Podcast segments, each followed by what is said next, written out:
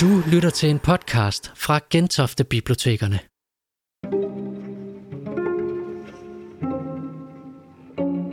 Onsdag den 11. november besøgte arkeolog og museumsinspektør Jeanette Warberg Gentofte Hovedbibliotek med et fascinerende foredrag. Det tog udgangspunkt i hendes bog Den fjerde rytter, som handler om de store epidemier, som har præget og forandret verdenshistorien fra stenalderen til covid-19. Foredraget var en del af temaet Virus i tiden, hvor Gentofte Bibliotekerne gennem flere arrangementer i sidste halvdel af november sætter spot på pandemier i videnskab, litteratur og historie. Vi byder nu velkommen til Janette Warberg.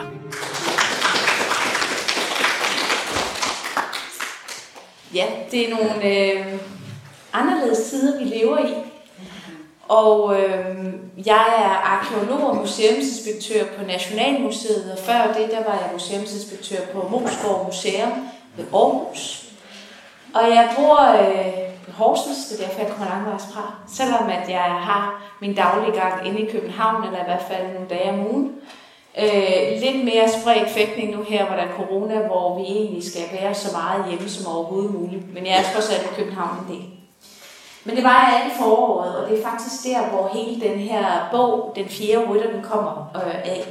For jeg havde lige øh, i 2019 udgivet et øh, mammutværk om vikingerne, germansk jernalder, og havde øh, egentlig lovet mig selv, at nu skulle der gå rigtig lang tid, før jeg skrev noget som helst igen. Det gad jeg simpelthen ikke, det havde været for hårdt første øh, Men så kommer der det her øh, corona snigende ind i februar, og efterhånden så går det jo op for os, at det her det er virkelig alvorligt, og jeg bruger rigtig meget tid til at, øhm, at kigge på, hvad der egentlig er af historie, der ligger bag sådan en epidemi og pandemi, hvad, hvad der kan være af historiske sammenligninger. Og så øh, er der en, der hedder øh, Paul Dudal, som også er forfatter og professor i historie på øh, Aalborg Universitet, og han ringer til mig, jeg kan huske, det sker torsdag. Og der ringer han øh, en, øh, efter, jeg ved ikke om det var efter en påskefrokost eller hvad det var, men øh, han ringer om eftermiddagen og spørger, om jeg har fået aflyst alle mine arrangementer. En lang stykke, stykke tid, og det måtte jeg jo sige, det havde jeg. Jeg havde faktisk en hel del, jeg skulle ud og fortælle om øh, øh, bogen Viking. Øh, og så øh, sagde han, ja, det havde han også, som det ikke var nu, vi skulle skrive den bog, vi så tit havde snakket om at skrive sammen. Fordi Paul han har speciale i øh, nyere tidshistorie, hvad jeg jo kalder det. Ikke så nyt som helt op til det 20. århundrede, men 1800-tallet, der hvor han virkelig er, er kendt for sine bøger og de ting, han har skrevet. Øh, og jeg er arkeolog og har ligesom den dybe tid med mig. Så vi blev enige om at skrive en bog ret hurtigt faktisk, så den kunne komme ud. Øh, hov, der var lige udfald. Ja, der var den. øh, at øh, vi, vi fik den idé, at øh, vi ville skrive den, og den skulle rimelig hurtigt ud. Øh, og efter vi havde læst noget om blandt andet den spanske syge, så tænkte vi, at det kunne være meget fint, hvis den kunne komme ud under anden bølge, fordi så ville man nok være lydhør. Det var sagt i spøj. Øh, men det ser ud til, at historien holder meget godt. Øh, vi har haft det håndslag på, at det skulle være en bog, som ikke skulle være et stort værk. Det vil sige, at vi har kigget på, hvad andre har skrevet, og så sammenstillet det til noget, der er brugbart, øh, når man står lige midt i sådan en pandemi som her. Hver især har vi valgt 10 øh, cases ud, som vi synes på en eller anden måde tegner en bevægelse frem imod det, vi ser nu. Så det er altså ikke sådan et opslagsværk, hvor man kan slå alle de store epidemier igennem verdenshistorien op og få sig et ris. Den er netop skrevet med en motor igennem det hele, som forklarer, hvorfor vi mennesker gang på gang bliver ramt af epidemier, hvordan vi reagerer på dem, og, og hvorfor det er så vigtigt at være bevidst om vores øh, historie med epidemier. Fordi vi har siden, øh, ja, øh, siden stenalderen været præget af det her. Øh, og det har ikke været noget, som vi har været specielt gode til at huske på. Hvis man kigger igennem verdenshistorien, så er den delt op efter de store krige. Men det er faktisk epidemierne, der har taget flest menneskeliv. Det er ikke krigen i sig selv. Og den erkendelse fik vi efterhånden, som vi dykkede ned i materialet og prøvede at stille tallene op. og, og, og har egentlig undret os over, hvorfor det er, at øh, epidemierne har fyldt så lidt. Og sandsynligvis er det, fordi at det er så ubehageligt, at vi gerne vil glemme det, hvilket jeg skal komme tilbage til. Øhm, vi har valgt titlen Den fjerde rytter, øh, ud fra et lille kig i Bibelen. Der er altid godt med dommedagsstof. Og det er der også i Johannes åbenbaring, hvor man ligesom ser, at verdens ende kommer, kommer nær apokalypsen, kommer når fire ryttere rider ud. Og det er krig, erobringer, sult, og så er det død i form af epidemier. Og den sidste øh, rytter rider på sådan en gusten gul hest. Så det er ligesom billedet på, på de her sygdomme, vi har tegnet op. Men øh, jeg kan jo ikke gå igennem hele verdenshistorien på en time, selvom jeg gerne vil. Så øh, jeg har tænkt øh, at gøre det sådan for i aften, at øh, jeg vil prøve at give en oversigt over de 10 ting. Skruer lige lidt. Om, øh, ja, den er der igen. Om de 10 ting, som øh, historien kan lære os om epidemier. Øh, og så skulle den time nok være god, tænker jeg. Men øh, jeg vil også lige sige kort øh, om den her øh, bog. Den blev skrevet fra påske til pinse. Der lå øh, første gennemskrivning færdig. Og så havde så rettet sig hen over sommeren. Vi skulle alligevel ikke nogen steder i sommerferien.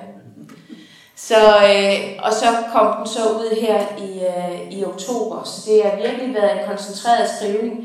Og det, der egentlig også har, har påvirket meget, meget undervejs, som historiker måske kan se tilbage på og læse vores bog om 20-30 år, vil være, at vi jo rent faktisk skrev den i lyset af, at vi stod midt i pandemien. Så vi står ikke på den anden side af pandemien med det der kølige historikerblik og kigger tilbage. Men vi skriver den, mens, den stadig, mens det stadigvæk sker. Og det har også, øh, der kan man sige, vores, vores øh, efterord, eller bagord, hvor vi ligesom samler op, det, der har vi tegnet nogle linjer op, som faktisk har vist sig at, at ramme meget godt indtil videre, hvilket jeg vil komme tilbage til. Men det vigtigste i den erkendelse, jeg kan komme med til de, de her epidemier, i den ende, hvor jeg har skrevet, det har jeg nok regnet ud, det er oldtiden, jeg mest øh, har, har leveret skrift til den her bog. Men det er, at det, også det naturskabte er kulturelt betinget. Og hvad mener vi med det? det? Vi mener faktisk det, at den måde, vi er i naturen på og omformer naturen på, har indirekte indflydelse på, hvad det er for nogle epidemier, der rammer mennesket. Og det kan man se, hvis man går tilbage i stenalderen. For faktisk 95 procent af vores tid på jorden har vi været jægere og samlere og ådselsidere. Vi har simpelthen drevet omkring på savannen i skoven og langs med strandene, og levet af, hvad naturen kunne give os. Mennesket har så ved hjælp af sin øh, intelligens hurtigt bevæget sig op fra det mellemste trin i fødekæden, hvor man kan sige, at øh, toppen det var løver, tiger, kattedyr og andet, som øh, var perfekt tilpasset at kunne dræbe.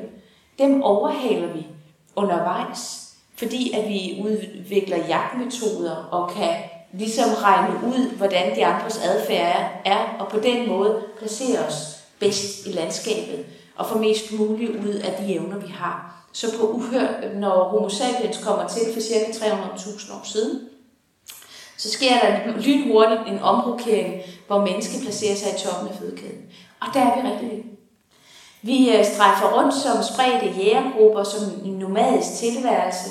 Vi har på det her tidspunkt for cirka 120.000 år siden til 20.000 år siden, har vi istid, det vil sige, at den nordlige halvkugle er indhyllet i en iskappe. Så den her øh, befolkning, der er på jorden, er meget lille i sammenligning med i dag. Man regner med i omregningen, omregningen af 10 millioner mennesker levede i jærestenalderen på jorden. Det er sådan set den, øh, nogenlunde den, det indbyggertal, som Wuhan i Kina har i dag. Så der var ikke de store, øh, der var ikke de store udsving. Der var ikke de store epidemier, vi kan spore. Der var sygdomme. Der var sådan noget som øh, leverbetændelse og kyssesyge.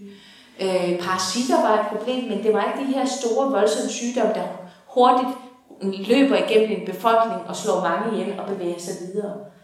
Den, den kan vi ikke øh, spore her. Men så snart at mennesket knækker koden til at kontrollere naturen, det øjeblik mennesket bliver bønder, så sker der en ændring i den måde, vi er i verden på. Vi lever ikke længere på naturens betingelser. Fordi man kan sige, når man lever på naturens betingelser, så er det egentlig et godt liv. Hvis man bor et sted, hvor der er føde nok til, at, til de mennesker, der er der, så kan man rent faktisk øh, nøjes med at jage og samle cirka 3 timer om dagen. Prøv at forestille dig det. 3 timers dag. Måske sådan 15 timers uge det lyder lækkert. Altså jeg tænker på, at vi skal tilbage til den teknologiske stenalder, hvor vi har det samme mønster. Men det havde så bare den ulempe, at man kunne ikke oplære mad. Man blev nødt til hele tiden at få friske forsyninger, og når forsyningerne ikke er der, så kan man ikke, øh, så kan man ikke bruge til noget. Så de gange, man er blevet ramt af sult, har mennesket jo grublet over, hvordan man kunne få fødevarelagerne fyldt op. Og svaret kom ved agerbruget. Og allerede for 23.000 år siden begyndte de første at eksperimentere med at forædle øh, sorter øh, og, planter, og, og, og ligesom pleje og passe de planter, der gav ekstra meget mad, og, og så øh, få nogle fjerne nogle af de andre. Men den fulde landbrugspakke, hvor man både dyrker jorden og holder husdyr og bygger landsbyer, så man både kan opbevare dyr og mennesker og mad i, det sker for cirka 11.000 år siden. Og det er også her, vi begynder så småt at ane, at det her med floksygdom, epidemier kan opstå. Og det er simpelthen fordi, at de, og en af grundene til det er, at de dyr, man ligesom øh, tæmmer, det er, det er kvæg, det er får, det er ged, og det er grise, og det er fugle. Og når man efterhånden får styr på dem, de er dem, man, man tæmmer, det er dem, der er mest omgængelige. Der er en grund til, at vi ikke rider rundt på zebraer. Fordi de er møgumulige til dem. Det kan ikke lade sig gøre. Og der er også en grund til, at vi har malkøer i flodhest. En, en malkeko er hyggelig og omgængelig at bo sammen med en flodhest. Not so much. Så der er sådan ligesom en, en, en måde, vi har valgt ud. Det er de dyr, der i forvejen er godmodige og vant til at bevæge sig i flok og lade en bestemme. Og de her dyr har i forvejen flere sygdomme, fordi de er flokdyr som kan løbe igennem den som epidemier. Og i det øjeblik, de rykker ind i menneskets huse, hvor mennesken lige pludselig bruger flere og flere, fordi det at få kontrol med fødevare øh, med forsyning, betyder i virkeligheden også, at man har mulighed for at, øh, at brødføde flere og flere. Så der sker også en befolkningstilvækst. En jæger samlekvinde kan måske have, få et barn hver femte år i gennemsnit, der er levedygtigt hvor en bondekvinde, der er bofast og får stabil føde, kan få det cirka hver anden år. Så jeg kan godt se, at befolkningerne de vokser skævt på det her. Så man kan også se for eksempel, at øh, de bønder, der er kommet til Tyskland, rejst op igennem øh, områderne og bosat sig her, der har nogle tyske arkeologer fundet nogle skeletter, hvor de kan se forandringer på ribbenene, som tyder på, at de har lidt af tuberkulose. Og det passer fint med, at når, når øh, øh, bundebefolkning går over til den meget mere ensartede kost, som der er øh, blandt øh, øh, bønderne, så øh, forfalder deres modstandskraft. Immunforsvaret svækkes simpelthen, fordi det ikke får så rig øh, blandet sammensat kost. Og så bor de tæt på deres dyr, og tuberkulose kan netop, mener man, kommer fra. Så det er en af de grunde, der, eller en af de ting, der sker. Samtidig med, så kan man også se efterhånden, som de større byer blomstrer op nede omkring Middelhavsområdet og i øh, Mesopotamien, altså nutidens øh, Irak og Iran og, og Syrien. I det område, der øh, har man simpelthen de første nedskrevne ord for de her epidemier. Det hedder bare den store massedød. Og den kunne ramme både dyr og mennesker. Man vidste ikke, hvad det kom sig af det ældste spor, man har efter en, øh, en sådan sygdom, er det rigtig slemme, det er faktisk pesten. Det lykkes ved hjælp af DNA-analyser af øh, skeletter i hele Europa at finde frem til, at der allerede for 5.000 år siden var øh, pest. Og det ældste er endnu øh, ældre øh, fra et, øh, øh, et skelet, der er fundet i en jættestue øh, i Sverige. Så, og der lever ikke pest. Pestbakterien den øh, lever i loppemaver og bliver spredt ved hjælp af, af små lopper, der normalt lever på gnaver. Øh, de kan leve på 200 forskellige slags gnaver, men den mest kendte fra den sorte død, det er øh, den sorte rotte, husrotte, der bærer den her. Og pestbakterien gør simpelthen det, at den danner en prop i de munddele, som loppen skyder frem for at suge blod, så der ikke kommer særlig meget blod ned i loppens mave, så loppen bliver sulten og endnu mere aggressiv og bider endnu mere og endnu flere, og på den måde spredes bakterierne ganske smart. Fordi de her mikrober har jo levet længere end vi har. De har jo været på jorden i, i, i mange, mange millioner år. Og de har bare en mekanisme i sig til, at de skal blive flere og overleve. Så der er forskellige strategier. Det, der gør os syge, det er faktisk de strategier, som de har til at spredes. Det er jo bare vores uheld, kan man sige. Det er jo egentlig ikke meningen, at mikroberne som bevidst tænker over, at der er mange, der skal dø. Det er bare en strategi for at overleve på alle mulige andre måder. Og den her pestbakterie lever altså ikke vildt i Sverige på det her tidspunkt overhovedet. Den lever nede på stepperne, øh, nede i sydrussiske stepper. Så den er sandsynligvis kommet op ved hjælp af handel, for det er det samme næsten, næste, der sker, når man får af at bruge de første byer blomstrer op nede i Mellemøsten, det er, at man begynder at handle. Man begynder at gå med, først med slæder, siden med hestevogne og skibe, transportere sig rundt, fordi at man handler og rejser rundt og bytter varer. Men det er ikke det eneste, man bytter. Det er også sygdomme. Og så er vi ligesom i gang. Den næste ting, man kan, man kan lære af, af historien, det er, at øh, biodiversitet har en, øh, en betydning, og også klimaforandringer for nogle af de historiske epidemier, vi kan se. For eksempel så øh, har man en, øh, en pestbølge, som går forud for den sorte død i 1300-tallet, som vi alle sammen kender, fordi det er del af det stof, vi lærer i skolen. Så er der i øh, 1500-tallet det, det vi i Danmark kalder germansk jernalder, men det der er begyndelsen på den mørke middelalder nede i øh, Europa. Den hedder den justinianske pest, efter kejser Justinian, der var romersk kejser, der sad nede i Konstantinopel, nutidens Istanbul. Og den her pest, den opstår i kølvandet på en klimakatastrofe af de helt store. For i år 536 har forskere sagt, at det måtte være det værste år i historien at være i live i på den nordlige halvkugle. Det var forfærdeligt. Og grunden, det er, at Katla, den vulkan, som øh, er på Island, gik i udbrud. Og hvor ved vi det fra? Det ved vi, fordi ved hjælp af en iskerneboring i de svejsiske alber, så kan man trække sådan et langt, langt, langt stykke is op, der er nøje og afstemt efter, hvilket år man er i, og så det, det lag, der svarer til år 536, har man fundet partikler, der er spydet ud i øh, stratosfæren og faldt ned igen, øh, som indeholder obsidian, der er vulkansk glas. Og vulkansk glas kan analyseres, så man kan se, hvilke præcise kemiske komponenter det glas indeholder, og det er unikt for hver vulkan, der udspyder det. Så derfor er man 100% sikker på, at banditten hed Katla. Det, der skete, det var, at den sprøjte, sprøjte så meget aske og, og andet ud i øh, atmosfæren, at der lagde sig et, et tykt slør omkring jorden, som gjorde, at øh, der i de skriftlige kilder står, at der var faldt sne i Kina.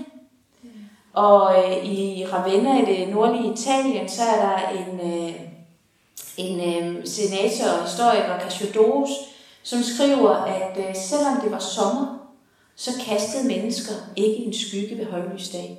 Altså det var så sløret, at solen ikke rigtig trængte igennem. Og i Irland var man også rigtig hårdt ramt. Der, der har man sådan nogle øh, kirke- eller klosterbøger, hvor man ligesom optegnede, hvad der skete af vigtige begivenheder i løbet af året, så man ligesom havde en oversigt. Det var en slags nyhedsstof, man skrev ned på bagkant. Og fra 536 til 39, så står der i den ene af de her klosterbøger, var, i de år var der ikke noget brød. Det var det eneste, der stod for de tre år.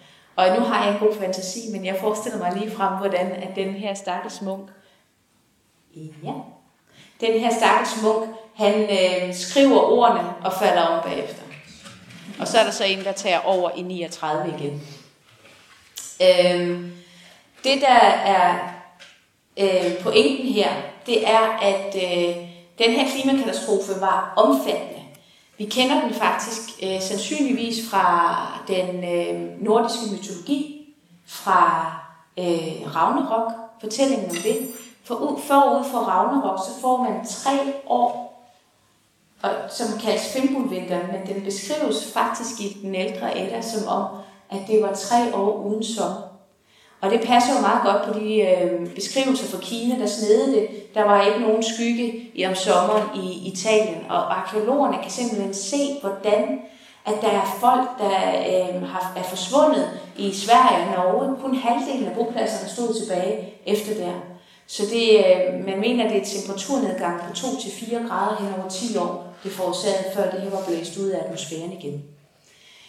Det havde også betydning for nogle af de regnbælter, der lå ned over den etiopiske slette, højslette. Og der kan ske det med gnaver, at hvis der først kommer voldsom tørke, og så lige pludselig kommer meget regn, så formerer de sig eksplosivt. Det er sådan nogle særlige år, hvor det kan forekomme. Og de her øh, gnaver på den etiopiske højslette, de er også bærere af pestbakterier. Så det kan være sådan nogle udløsende faktorer, der gør det. Øh, at, at pesten pludselig spreder sig. På det her tidspunkt var Romerriget koncentreret i den østlige del af Middelhavet, og øh, de handlede lystigt blandt andet med Kina og Indien. Og øh, de skibe, de lagde til langs den østafrikanske kyst for at handle med elfenben, før de gik længere op til den handelsby, der lå i Nordafrika øh, ved det Røde Hav, der hed Pelusium. Og i 541, fem år efter det store klimakatastrofe, så øh, registrerer man de første tilfælde af en voldsom sygdom, som breder sig fra Pelusium.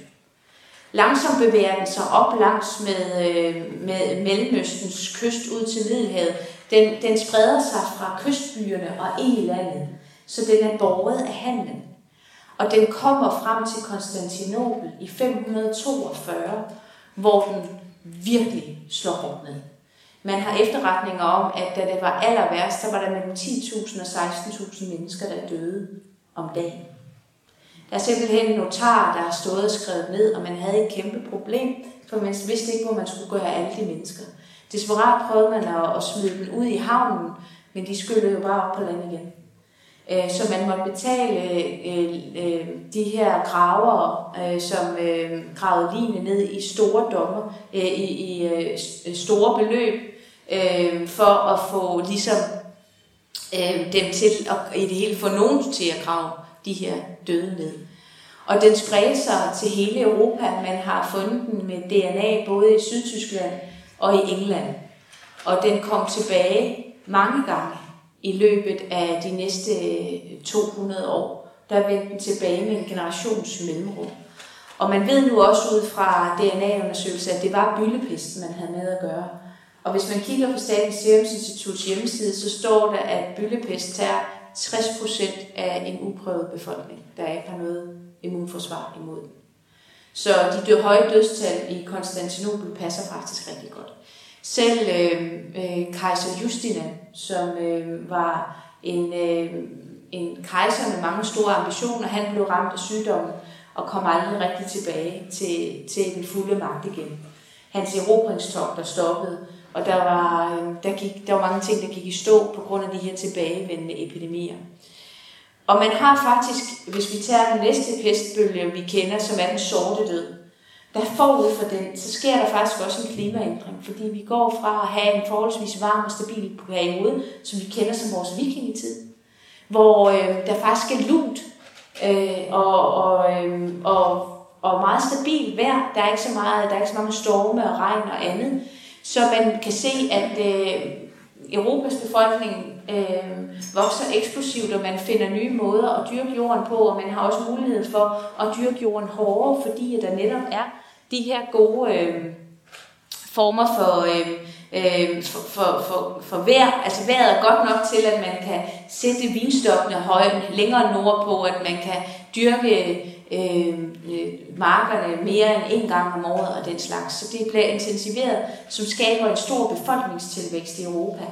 Men på et tidspunkt i, øh, på et tidspunkt i øh, starten af 1300-tallet, slutningen af 1200-tallet, så tipper balancen, så befolkningen bliver større end det fødevareoverskud, der egentlig skabte den større befolkning, hvis noget.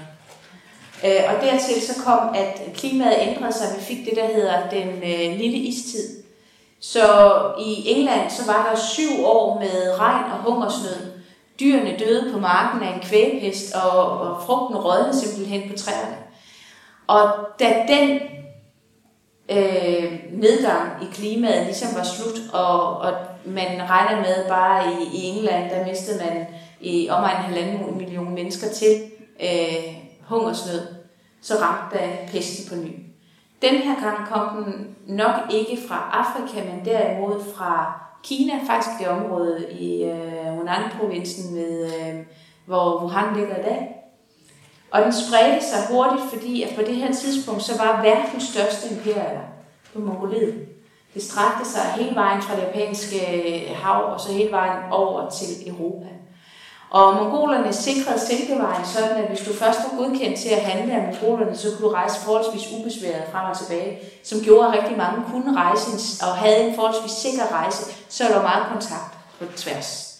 Og de driftige norditalienske købmænd fra Genova havde overtaget en handelsby fra øh, mongolerne, der hedder Kaffa på Krimhalvøen øh, i Sortehavet. Krim var på alles taler, da Putin snuppede den sidste her. Men den har altså været, der har været lavet mange gange.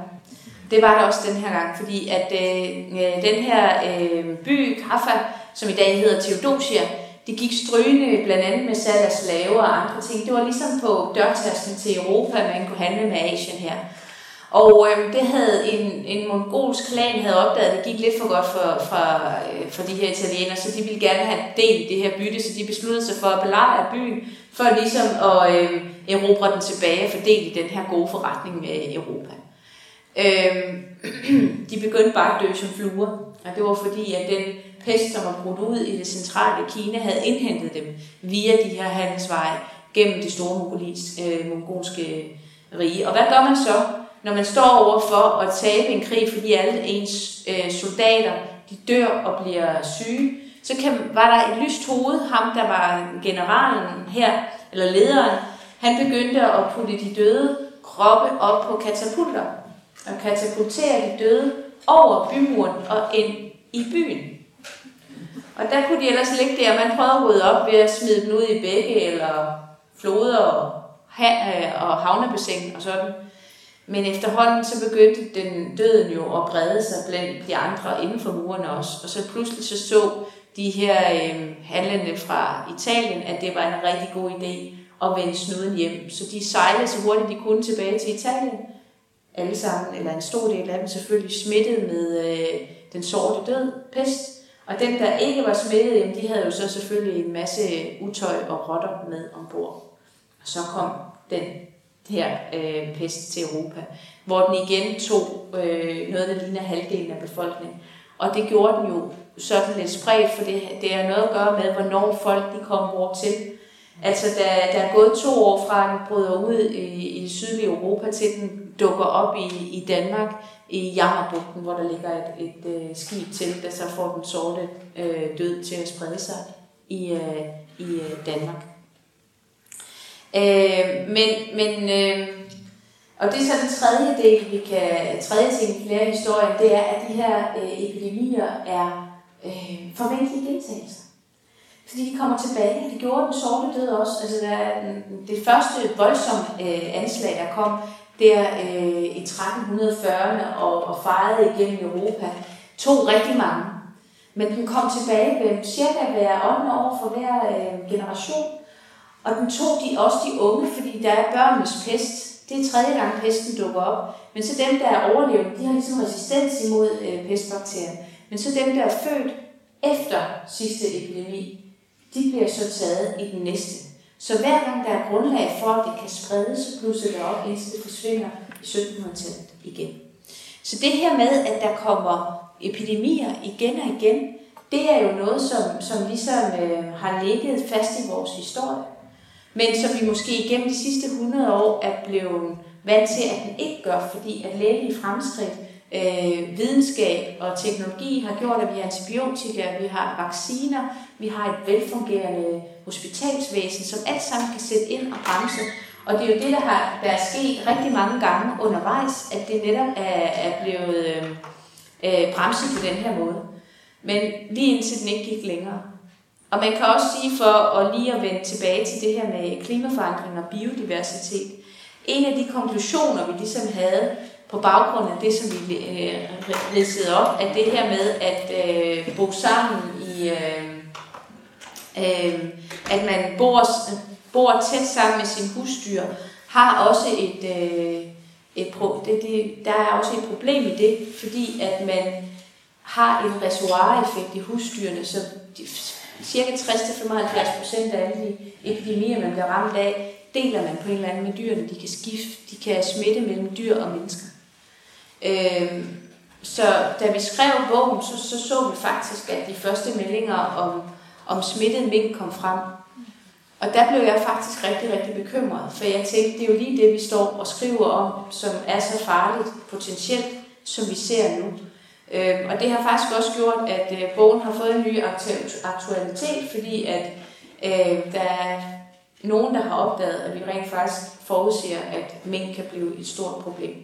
Men det er simpelthen fordi, at man har et problem med, at hvis man har en biodiversitet, som er meget ensrettet, og det er jo det, vi mennesker vi gør, vi, øh, vi indretter naturen sådan, at vi har det mest muligt bekvemt. Og derfor er der øh, uddøde 100 arter cirka om dagen, og dem, de arter, der er allerflest af dyrearter, det er dem, vi godt kan lide at spise, eller holde som husdyr. Så der er en grund til for eksempel, at øh, hønen ikke er, lever i et par hundredtusind eksemplarer nede i Sydøstasien, men at den, til, øh, den øh, i stedet øh, er, øh, øh, at den i stedet lever rundt omkring på gårdene, og der er fem, cirka 25 milliarder styk fjerkræ og høns øh, på verdensplan, som vi holder. Det er bare nogle af de tal, der er. Og, og det er selvfølgelig belejligt og godt for os, at vi har det, men det har bare en sideeffekt når vi ensretter biodiversiteten. Og det er noget, som, som jeg ikke har tænkt mig at være til dommer over, men jeg vil bare sige, at øh, man kan jo se en tendens i materialet, at det kan give udfordringer. Og det kan det også på længere sigt, når vi ser, at vi har en voksende befolkning.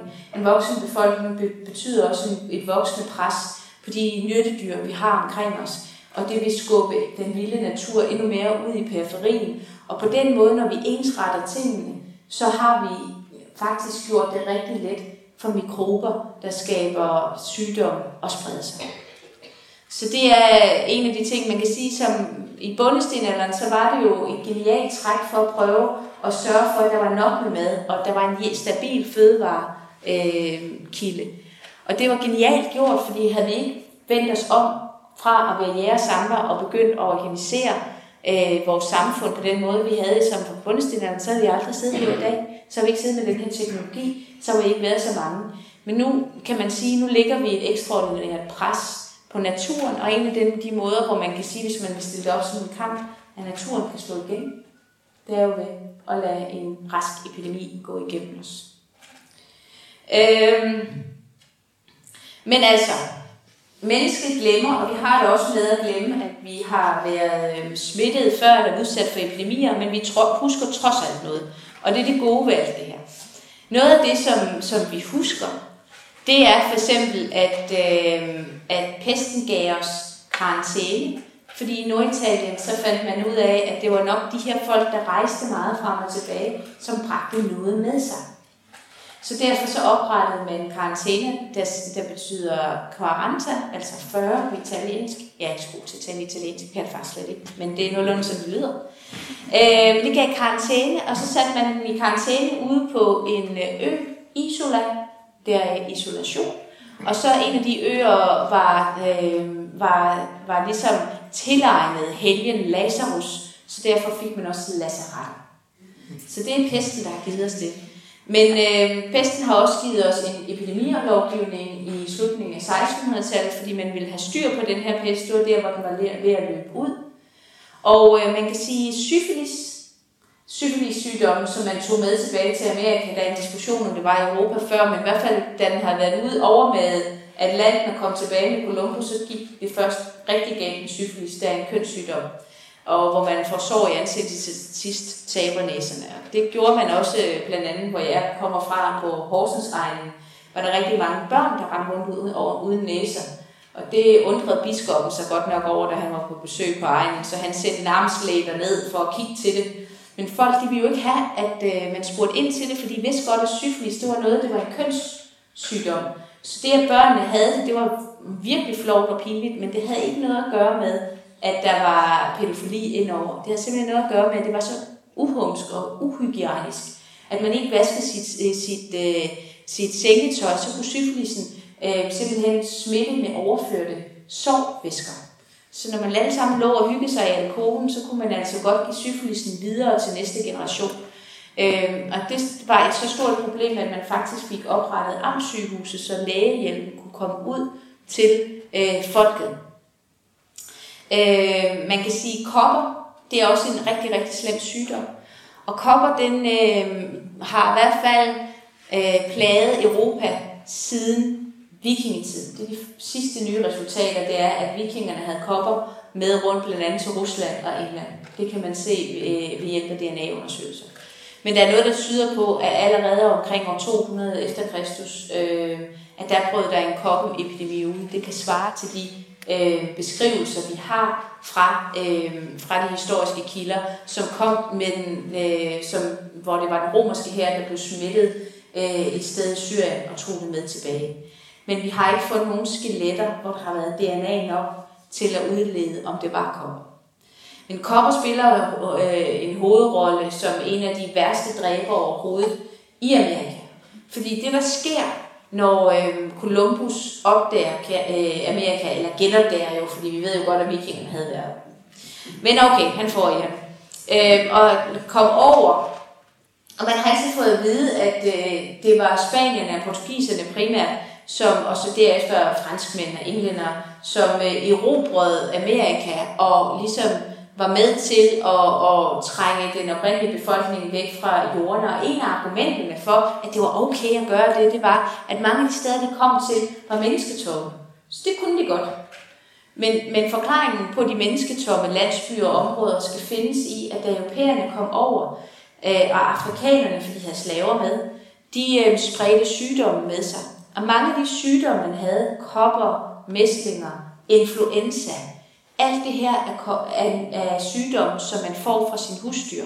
Og dengang for, hvad skal vi sige, 35.000, 40.000 år siden, hvor der ligesom kom en menneskegruppe gående op igennem Europa, eller op fra Afrika, den vej op. Nogle drejede til venstre i Europa, det blev nogenlunde også. Andre drejede til højre og fortsatte op til, til Sibirien, gik over ved Alaska ved isbroen der, som var åben øh, under øh, istiden, og gik ned i Amerika. Forskellen er, at det gjorde man under jægerstænderne, hvor man ikke havde fået den her landbrugspakke. Man havde ikke husdyr, man havde hunde med sig som det eneste år. Man, havde ikke, man dyrkede godt nok jorden i Amerika, men det var majs og squash, de her øh, kartofler, de her afgrøder, som var derovre, men der var ikke rigtig nogen store dyr, man kunne domesticere på samme måde. Der var ikke kvæg, der var ikke grise, der, der var alpakaer og lamaer, og så i Peru holdt man et marsvin, og aztekerne holdt kalkuner. Men det var ikke rigtig noget, der, der battede på samme måde, som det, de kom med fra Europa. Så de havde en helt vildt giftig cocktail med sig over, hvor kopper var en af dem. Kopper tog cirka 25 procent af befolkningen. Og når man så voksede, når en ny generation voksede op, blev det ramt igen. Men det var ikke det eneste, man havde med over. Man havde pest, man havde tyfus, man havde en rigtig grim influenza med over, og de havde ikke prøvet for influenza før, så de havde ikke noget forsvar, så der var blodstyrkning involveret i det. De havde alskens sygdomme, som man kunne forestille sig, havde de med over. Man kan så sige, at der er lidt, i det mindste en lille smule øh, retfærdighed i, at, at Columbus tog syflisen med tilbage. Så kopper har jo været noget, der virkelig, virkelig har skræmt mange og har været en, en, en kæmpe dræber, indtil at man fandt ud af, at kokopper kunne øh, virke som en vaccine, og man udviklede det. Så det er kopper, der har givet os vaccinen, som en af de ting, som vi tager med os fra de store epidemier. Øh, og så kan man sige, at 1800-tallet, den store epidemi, der kom her, den skulle næsten med, for man kan sige pest eller kolera. Det var kolera, og den udviklede sig i Indien. Øhm, og den øh, spredte sig forholdsvis hurtigt øh, igennem Europa, og den kom også blandt andet til, øh, til Danmark ret voldsomt. Og øh, den øh, afgjorde en strid, der havde været med, at man egentlig gerne ville have kloakering i byen, byerne, men øh, de her natmænd, der stod for at tømme matrinerne, de ville jo helst ikke øh, se deres erhverv gå væk, så de lobbyede rigtig meget for, at man ikke skulle have kloakering. Men efter den her øh, sygdom, som giver kraftig øh, diarré, ligesom blussede op, så øh, fik man kloakering, og man fik faktisk også socialt boligbyggeri, som tog højde for, at man, øh, man havde ordentligt sanitære forhold, for det var ikke noget, man tænkte på. Altså der havde man rask væk øh, øh kvæg på tredje sal, øh, inde i, eller i hvert fald første sal, på, i lejligheden i København. Dem fik man også ligesom ud af byen, for ligesom at holde det lidt mere hygiejnisk. Og senere så er der sådan en, en, øh, en, en fætter, som har pladet os lige siden af bundestindalderen, nemlig tuberkulose. Men fra, fra 1700 til 1900-tallet, der mener man, at på verdensplan, der døde der omkring en milliard mennesker af tuberkulose. Det var, men det var ikke en voldsom epidemi på den måde, hvor der er hurtigt nogen, der dør. Øh, det tog lang tid at dø. dø. Det kaldtes den hvide død. Og det var lige frem sådan, at man, det var lidt smart at være sådan en, en, en sart sjæl, der var pladet af tuberkulose og sådan helt bleg. Og, øh, så det var faktisk et, et billede, man dyrkede i 1800-tallet. Men efterhånden fandt man ud af, at det nok var en skidt sygdom, man gerne ville af med. Man fandt også ud af, hvordan den smittede, det gjorde den ved hjælp af spyt at bakterierne var i spytte. Øh, så derfor der lavede man store kampagner imod at spytte indendørs og udendørs. Fordi ellers så var det meget normalt, at man spyttede indendørs. Og øh, så gik man så, så langt videre til, at man, man har for eksempel sådan en rigtig øh, fint billede fra øh, en forsamling fra Folketinget, der sidder og diskuterer i, starten, i slutningen af 1800-tallet. De har så været sådan en spytbakke ved siden af, af deres stole, som de kunne spytte i spytbakken. Øh, men efterhånden bliver det forbudt. Også det, at det var helt, det var faktisk høfligt at spytte. Når man startede en samtale, så rettede man sådan en, øh, en spytklat mod øh, samtalepartnerens skosnude. Meget veloprettet, fint, så var man i gang. Det måtte man ikke længere. Så det, man er ude, ude i her, det er jo rent faktisk, at øh, man øh, blev nødt til øh, at lave kampagner imod det. Så der er sådan nogle rigtig fine skilte, ligesom i dag, hvor man ser over det hele, at man skal huske at bære mundbind, man skal spritte og vaske hænder, og man skal holde afstand. Så var der nogle øh, reklamer, der hed Spyt ikke på fortoget. Man kan, få, man kan blive smittet. Så i dag er det jo uhøfligt at spytte. Der snakker vi om vejret først, inden vi går i gang med at snakke rigtigt. Ikke?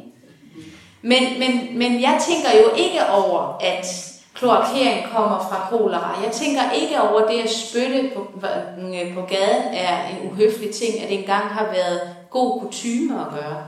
Men det er sådan nogle ting, der indlejer sig fra de her epidemier. Det man så kan sige, det er, at der er nogle, nogle fornuftige tiltag, som vi tager til os, men vi husker bare ikke på, hvor de kommer fra. Og spørgsmålet så er også, øh, hvad vi tager med os fra corona. For jeg er helt sikker på, at om to generationer, så vil der være nogle helt automatiske ting, Blandt andet det her med at spritte hænder, måske holde afstand og bære mundbind, hvis man øh, er forkølet, at det er ting, som ligesom vil være helt normale om måske 50 år, uden at vores øh, mine børnebørn vil kunne fortælle, hvorfor det egentlig lige er, at man gør det. Det kunne i hvert fald være noget, man kunne forestille sig. En anden ting med øh, epidemier kan læres, det er, at de har tendens til at udløse oprør. Hvis, øh, hvis man har et sundt og stærkt sundhedssystem og sikkerhedsnet, så for, kommer der ikke nogen oprør, men det ekstra pres, som en epidemi sætter på et, et samfund, skaber flere øh, oprør. Og det kan man simpelthen se fra for eksempel koleraepidemien. Så er der nogle historikere, der satte sig ned og talte, hvor mange oprør er der før, i, øh, og hvor mange oprør er der efter. Og før var der 39 oprør, og efter var der 71. Fordi folk bliver utilfre, øh, utilfredse med den håndtering, man har øh, med de her epidemier. Og jeg kan, kan jo ikke lade være med at kigge sådan lidt skævt til USA, som virkelig har haft øh, en, en voldsom, et voldsomt 2020 med Black Lives Matter blandt andet, og, og uro her. Og der kan man sige, at øh, det sidste tal, jeg lige kiggede, øh, det var, at de havde rundet 240.000 døde i USA. Øh, så det har nok noget at gøre med, med den håndtering af coronaepidemien blandt Trump, som har udløst den her faktor. Det er jeg sikker på, at det skal nok komme rigtig meget data på om en 4-5 år. Øh, men det her det er sådan lige en forløb, følger. Øh, sygdomme er øh, forskellige, men øh,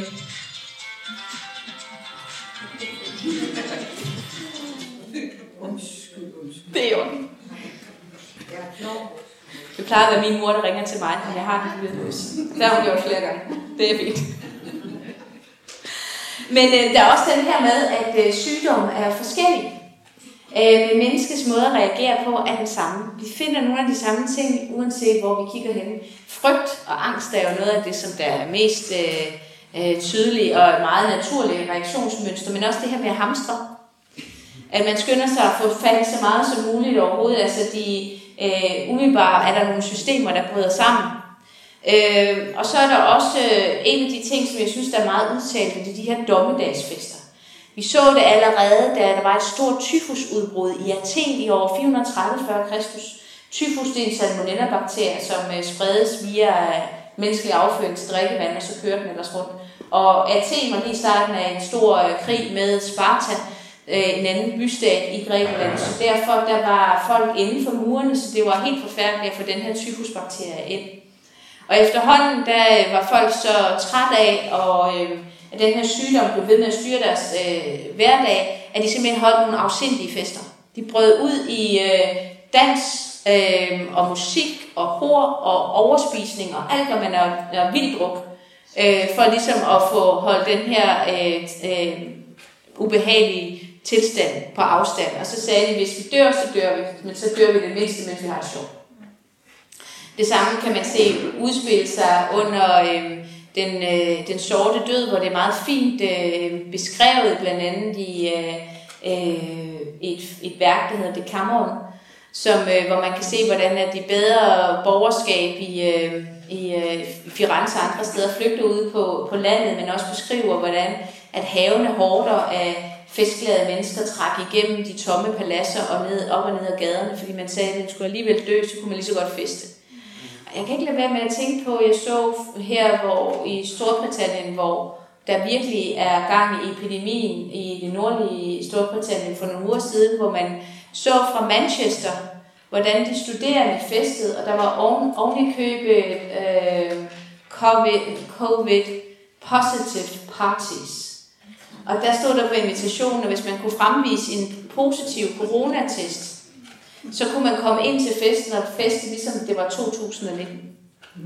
Og man, man demonstrerede i gaderne mod, at de lukkede popperne så tidligt. Så det har jo, og det, man har rystet på hovedet af, hvordan man har reageret over de her nedlukninger i middelalderen og tænkt, at det var sådan, det var dengang.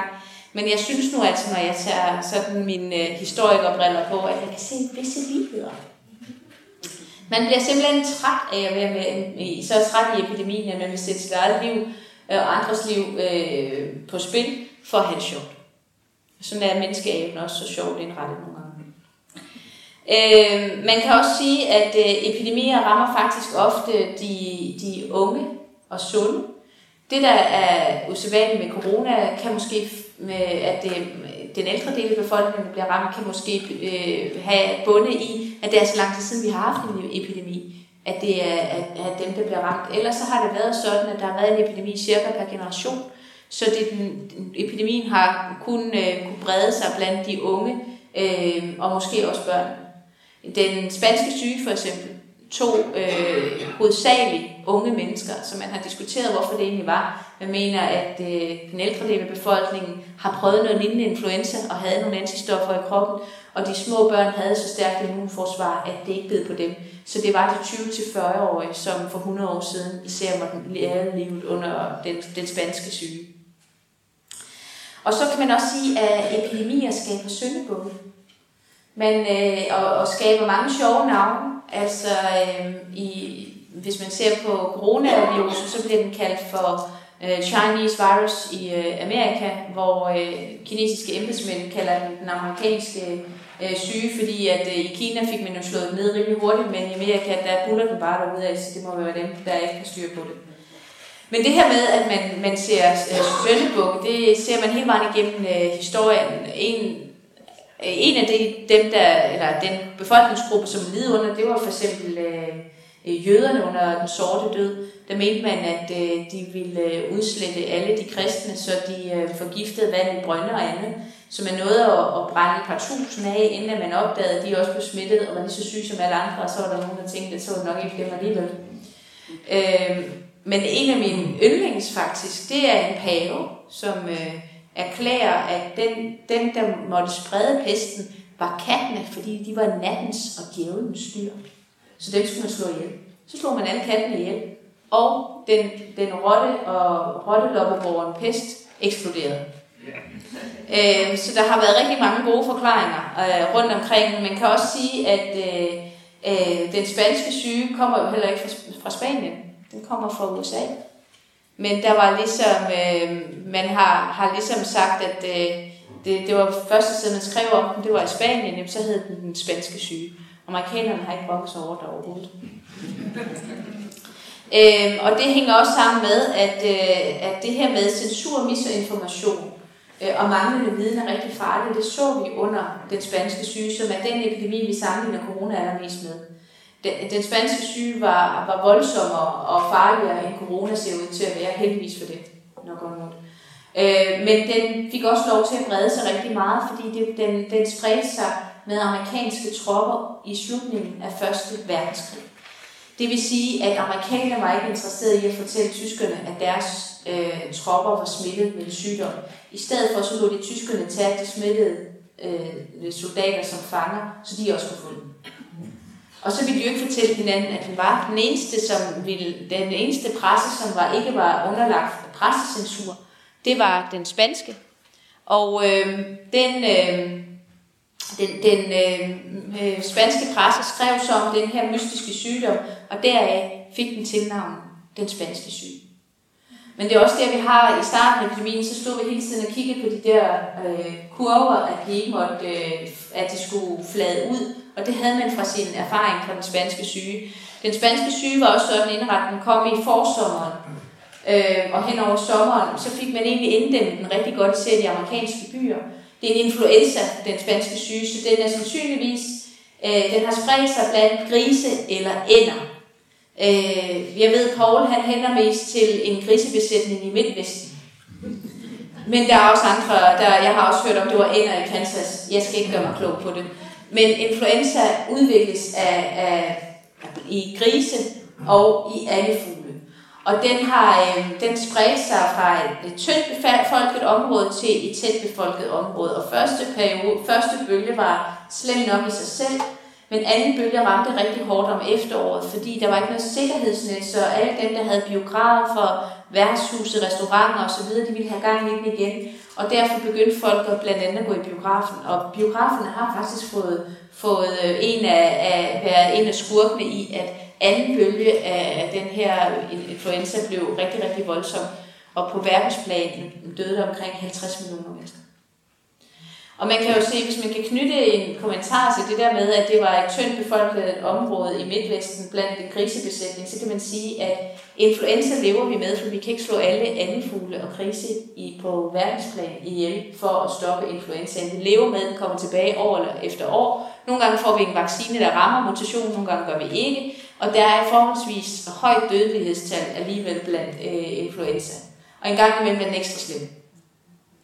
Det samme så man jo i skræk se i mink, øh, minkbesætninger, at, man, at coronavirus kunne ligesom mutere i mink og vende tilbage, så vi hver ny sæson fik en ny mutation af coronavirus og slås med. Jeg tror, det er det, som, uden at jeg er biolog og læge, men jeg tror, det er det, som man især er bange for.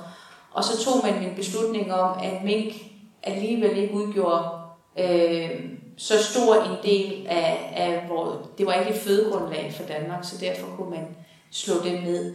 Og jeg må sige, med den, den viden, jeg står med, med den dybe historie, så øh, lige meget, altså jeg, jeg har fuldt øh, respekt for dem, der har dygtiggjort sig og været nogle af verdens bedste til at producere minkskind at de får deres livsgrundlag revet væk under dem. Men set ud fra den viden, jeg har, var der nok ikke andet at gøre. I hvert fald ikke den måde, som vi riser historien op på. Og det vi også skal vide, det er jo, at øh, i stenalderen, så, kom, øh, så flyttede øh, virus og andet sig på gåfødder, eller med kano, eller med hestevogn, hen over svært, øh, befær, altså svært tilgængelige områder, så, man, så smitten bevægede sig langsomt. Men efterhånden går det hurtigere og hurtigere, men det tog et par år for pesten at sprede sig øh, rundt i, i Europa. Det tog 70 dage for kolera at komme fra Indien via jernbanenettet til Europa. Og nu der tager det 14 timer med fly fra Kina til København. Så det er ligesom, det går hurtigere og hurtigere, og derfor bliver man også nødt til at reagere på en anden måde, end man gjorde førhen. Man bliver simpelthen nødt til at reagere meget, meget hurtigere, når de her øh, epidemier kommer frem. Og det er ligesom også en af de ting, som, øh, som vi kan se igennem hele bogen. Så man kan sige, summen af det, vi har skrevet, det er, at øh, det er vigtigt at være sig historisk bevidst om, hvad vi har været igennem før. Det er vigtigt at huske, hvad vi har været igennem før, så vi kan bruge den viden aktivt til at passe på os selv, og passe på vores samfund, og vide, at det er rigtig fornuftigt at, øh, at have en epidemilovgivning. Det er rigtig fornuftigt at blive ved med at holde lager af værnemidler, selvom det er 100 år siden, der har været en epidemi sidst. Øhm, og, og det er rigtig vigtigt også at have noget produktion af vacciner og andet i landet. Fordi det, vi kan blive ramt af det her, vi skal være opmærksom på det. Vi har nok igennem det 20. århundrede lullet os ind i den tro, at vi havde besejret naturen, også hvad sygdomme, epidemier foregik. Øh, for, eller hvad øh, epidemier øh, øh, øh, øh, angår. Man har nemlig den her øh, søgemaskine, hvor man kan søge på en masse forskellige ting i pressen, Infomedia. Og hvis man søger der på eksperter, der har udtalt sig om, at der aldrig mere vil komme en epidemi på verdensplan, det er overraskende mange, helt op til 2019, der afviser, at der kunne komme en epidemi. Jeg har til gengæld stået og sagt, at jeg troede ikke på, at vi kunne slippe, fordi når jeg har kigget ned igennem den lange historie, så er det altså vendt tilbage. Vi kan bremse det, og vi kan være kloge omkring den måde, vi agerer på, men øh, jeg tror ikke, at epidemiernes tid er over, og jeg tror også, at den her øh, fjerde rytter vil ride igen.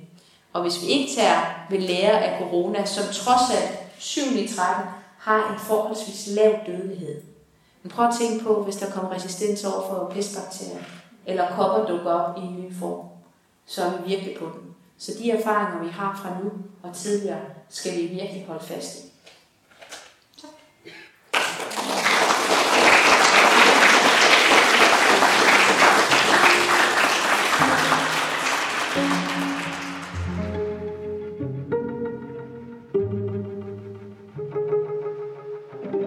Tak fordi du lyttede med til denne podcast fra arrangementet på Gentofte Hovedbibliotek. Du finder flere arrangementer på vores hjemmeside. Vi lyttes ved.